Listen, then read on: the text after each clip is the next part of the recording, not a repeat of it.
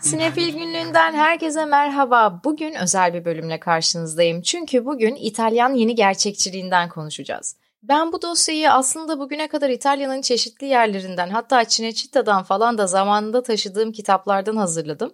Bunların bir kısmı İngilizceye bile çevrilmemiş kitaplar. O nedenle umuyorum ki böyle en azından yönetmenlerin falan daha önce duymamış olduğunuz bir iki yeni sözünü de öğreneceğiniz bir program olacak. Ha eğer Cinecitta ne diyorsanız dinlemeye devam edin çünkü bu programda hepsine sıra gelecek.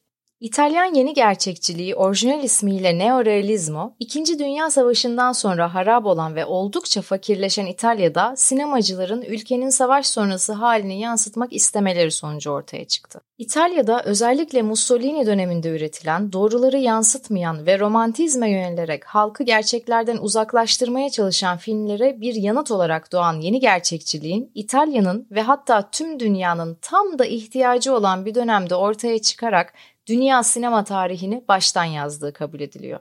Başta tartışmalı ve sakıncalı bulunan hatta bu nedenle sansüre uğrayan yeni gerçekçi filmler çekildikleri dönemde hem İtalyan hem de dünya sinemasında büyük yankı uyandırdı.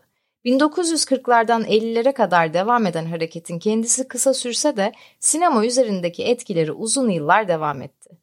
Yeni gerçekçilik günümüzde hala sinema tarihindeki en önemli hareketlerden biri olarak kabul ediliyor ve mirası filmlerin yapılma ve anlatılma biçimlerini şekillendirmeye devam ediyor. Ben yeni gerçekçiliği size 10 ana maddede anlatacağım. Sonrasında da ya neymiş bu benim ilgimi çekti nereden başlasam diyen dinleyicilerim yani umuyorum ki hepiniz için akımın en sevdiğim temsilleri olan 5 tane film önerisinde bulunacağım. Birinci maddeyle başlayalım. Bu filmlerin konuları Yeni gerçekçi filmler konularını İtalya'daki savaş sonrası işçi sınıfı ve alt orta sınıfın günlük hayatlarından alarak bu kişilerin verdikleri mücadeleleri ve yoksulluklarını yalın bir anlatımla göstermeyi amaçlıyordu. Yani bu hareket toplumsal adalete odaklanmanın yanı sıra yoksullar, işçi sınıfı ve göçmenler gibi zor koşullarda yaşayan grupların mücadeleleri hakkında farkındalık yaratma arzusuyla şekillendi. Öyle ki ünlü İtalyan yönetmen Michelangelo Antonioni daha sonra bu dönemden bahsederken gerçek şu ki etrafımızda yanıp tutuşan olağanüstü bir gerçeklik vardı. Bunu nasıl görmezden gelebilirdik derken akımın öncülerinden olan Roberto Rossellini meramını şu şekilde açıkladı. Savaş sonrası böyle bir yükümlülüğümüz vardı. Hiçbirimizin derdi eğlenceli filmler yapmak değildi. Bizim için önemli olan doğruları aramak ve gerçeklikle uyum içinde olmaktı. İkinci madde mekanlar. Çekimlerin film stüdyoları yerine gerçek mekanlarda yapılması yeni gerçekçilik hareketinin alameti farikalarından biriydi. Bu filmlerin çoğu günlük hayatın gerçekliğini yakalamaya yardımcı olacağına inanıldığı için genellikle İtalya'nın en yoksul mahallelerinde çekildi. Bu durum zamanın gerçeği yansıtmayan ve böyle şaşalı hayatlar gösteren stüdyo filmlerinden bir sapmaydı. Bununla birlikte gerçek mekanda çekim yapmak ışık ve sesle ilgili zorlukların yanı sıra filmlerin çekildiği yoksul mahallelerde güvenlikle ilgili endişeler de yaratıyordu. Tüm bu zorluklara rağmen yönetmenler gerçek mekanlarda çekim yapma fikrinden vazgeçmediler. Çünkü bu savaş sonrası ülkenin gerçekliğini tüm çıplaklığıyla yakalama çabalarının çok önemli bir parçasıydı. Üçüncü madde oyuncular. Yeni gerçekçi filmlerin bir diğer önemli özelliği oyuncuların çoğunlukla profesyonel aktörler olmamasıydı. Dönemin yönetmenlerine göre bu sıradan insanların gerçek hayat deneyimleri filmlere ayrı bir özgünlük ve gerçeklik duygusu katıyordu. Elbette bu film yapım tarzı o dönemin hem yıldız aktörler hem de istedikleri dekoru kurabildikleri setlerle özdeşleşen stüdyo sisteminden büyük bir sapmaydı ve sinema sektöründe yeni bir yaratıcı dalganın başlamasını tetikledi. Dördüncü madde yönetmenler. Çoğu zaman yönetmenler de profesyonel film eğitimi almamış hatta aslında gazetecilik, edebiyat gibi başka alanlarda mesleki geçmişe sahip olan kişilerden oluşuyordu. Yönetmenlerin gelenekselleşmiş film yapım tekniklerinden uzak olmaları aslında onların filmlere daha yenilikçi metotlarla yaklaşmalarını ve klasik sinema diline yeni bakış açıları getirmelerini sağladı. Bu yönetmenler kendilerini geleneksel film yapım tekniklerine bağlı hissetmediklerinden yeni stiller denemekte özgürlerdi ve bu sayede yeni gerçekçiliğin kendine özgü tarzı ortaya çıktı. Beşinci madde stil. Bu filmler naturalistik sinematografik stilleriyle de öne çıkıyorlardı.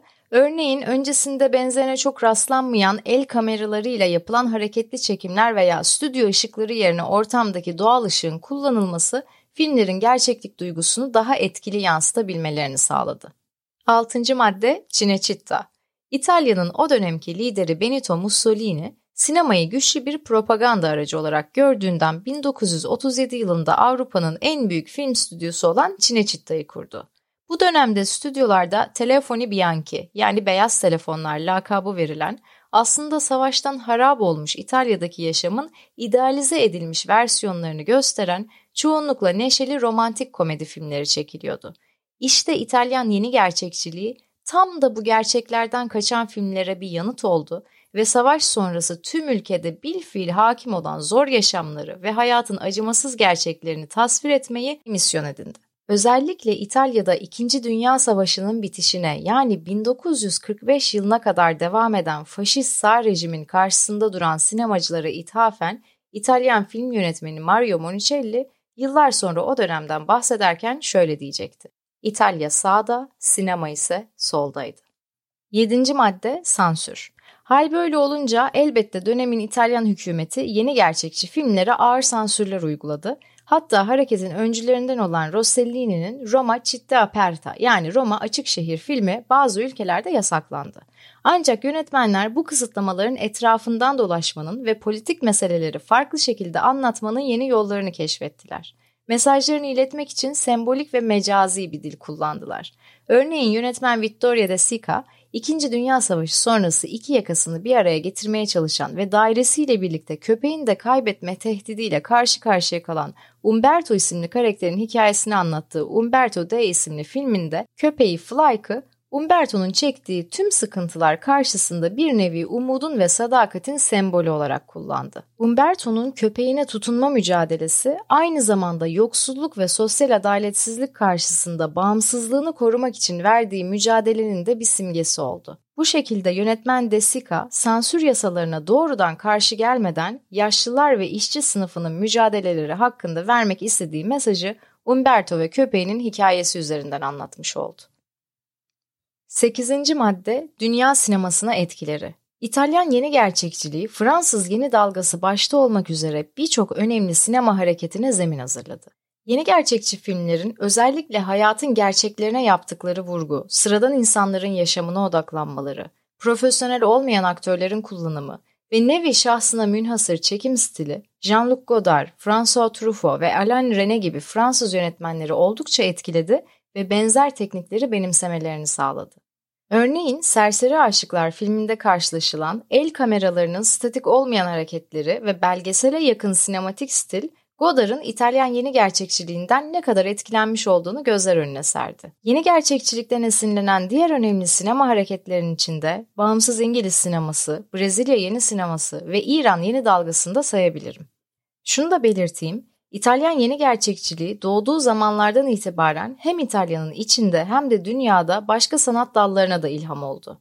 Örneğin söz konusu filmlerin gerçekliği ve içerdiği sosyal eleştiriler Cesare Pavese, Natalia Ginsburg gibi birçok yazarı etkileyerek hareketin kendine edebiyatta da yer bulmasını sağladı. Aynı şekilde Luigi Curacenzi ve Mario Giacomelli gibi fotoğrafçıların günlük hayatın gerçekliğini yakalamak için benzer bir yaklaşımı benimsemesiyle fotoğrafçılık üzerinde de etkilerini gözlemlemek mümkün oldu. Dokuzuncu madde İtalyan sinemasına etkileri. Bu önemli hareket Federico Fellini başta olmak üzere Roberto Rossellini, Vittorio De Sica, Luchino Visconti gibi pek çok sinema dehasını tarihe kazandırdı. Söz konusu yönetmenler hareketin kendisi sona erdikten sonra bile yeni gerçekçi tarz ve temalardan etkilenen filmler yapmaya devam ettiler. Mesela Desika ikisi yeni gerçekçi dönemde çektiği filmlerle olmak üzere toplam 4 Oscar ödülü kazandı. Rossellini ise Roma Açık Şehir filmiyle Kanda Altın Palmiye ödülüne layık görüldü. Yaşça bu yönetmenlerden küçük olan ve hareketin sonlarına yetişen Fellini'nin ise kariyerinin devamında daha çok öznel deneyimlere, rüyalara ve doğrusal olmayan hikaye anlatımına odaklanmış olsa da özellikle Lo Sheikh Bianco, Beyaz Şeyh veya La Strada, Sonsuz Sokaklar gibi ilk filmlerinde yeni gerçekçilikten oldukça etkilendiğini gözlemlemek mümkün. Günümüzde İtalyan sinemasının en büyük yönetmenlerinden biri sayılan Fellini, kariyeri boyunca hepsi en iyi yabancı film kategorisinde olmak üzere toplam 4 Oscar, 1 Altın Palmiye ve 1 Cannes Büyük Ödülünü yani Grand Prix ödülünü evine götürdü. 10. madde hareketin bitişi. Yeni gerçekçiliğin etkisi büyük olsa da hareketin kendisi sadece birkaç yıl sürdü. İtalya'da değişen siyasi ve sosyal manzara sonucunda ülkede hızlı bir ekonomik kalkınma ve modernleşme yaşanırken doğal olarak harekette ivmesini kaybetti. Hareketin gerilemesinin bir diğer nedeni ise film üretiminin ve dağıtımının daha ticari hale gelmesi. Bu nedenle yeni gerçekçi filmlerin çoğunu üreten bağımsız film şirketlerinin artık değişen sinema sektörüne ayak uyduramamaları oldu. Son olarak bu dönem boyunca kilit rol oynamış film yapımcılarının ve aktörlerin çoğu hareketin etkisi arttıkça isimlerini duyurdular ve başka tarzdaki projelere geçmeye başladılar. Tüm bunlara rağmen günümüzde hala İtalyan yeni gerçekçiliği tarihin en önemli sinema hareketlerinden biri olarak kabul ediliyor ve halen mirası etkilediği tüm filmlerde yaşamaya devam ediyor. Gelelim yeni gerçekçi filmlere. Roma Città Aperta yani Roma Açık Şehir'le başlayacağım. Bence İtalyan yeni gerçekçiliğine başlamak isteyen herkesin bu filmden başlaması gerekiyor. Keza film pek çok kaynakta tam anlamıyla yeni gerçekçi olan ilk film olarak geçiyor. Roberto Rossellini'nin 1945 yılında çektiği film, İkinci Dünya Savaşı sonrası Roma'da geçiyor ve Alman işgaline karşı direnişi konu alıyor. Bir diğer çok önemli film Vittorio De Sica'nın Ladri di Biciclette yani Bisiklet Hırsızları filmi. Yeni gerçekçi filmlerin başyapıtı olarak kabul edilen bisiklet hırsızları, İkinci Dünya Savaşı sonrasında Roma'da yaşayan ve işe gitmek için bin bir zorlukla aldığı bisikleti çalınan yoksul bir adamın hikayesini anlatıyor. Diğerlerine göre daha az bilinen ama kesinlikle en az onlar kadar etkileyici bulduğum bir filmle devam edelim. La Terra Trema yani Yer Sarsılıyor. Lucchino Visconti'nin en önemli eserlerinden biri olan Yer Sarsılıyor, Sicilya'da yaşayan fakir bir balıkçı ailesinin hayatını yoksulluk ve sosyal eşitsizlik temaları doğrultusunda anlatıyor. Bu dosyada bu filmden daha önce de bahsettim. Zaten yeni gerçekçilikten konuşurken Umberto D'yi anmamak olmaz. De Sica'nın bir diğer başyapıtlarından biri olan Umberto D, İkinci Dünya Savaşı sonrası geçim sıkıntısı çeken yaşlı bir adamın hikayesini anlatıyor. Bahsedeceğim son film ise Miracolo a Milano yani Milano'da Mucize. Bu da bir De Sica filmi ancak tarz olarak diğerlerinden oldukça farklı diyebilirim. Çünkü bu fantastik bir yeni gerçekçi film. Bir grup evsiz insanın buldukları sihirli güvercin sayesinde hayatların değişmesini konu alıyor. İçerdiği fantastik elementlerle dönemin diğer yeni gerçekçi filmlerinden ayrılsa da önemli sosyopolitik konulara yaptığı vurgularla hareketin klasiklerinden biri olarak kabul ediliyor. Yani hem gerçeğe bu kadar takıntılı olup hem de sihirli güvercin içeren bir film nasıl yapmışlar demeyin Desika yapınca oluyor. İzlemenizi öneririm. Ve bu haftaki programın da sonuna geldik. Sinefil günlüğünde Sedef Hızlan'ı dinlediniz. Benimle birlikte yeni gerçekçiliği yeniden keşfettiğiniz için çok teşekkürler. Haftaya yeni bölümü dinlemeyi unutmayın. Sinemalarda görüşürüz.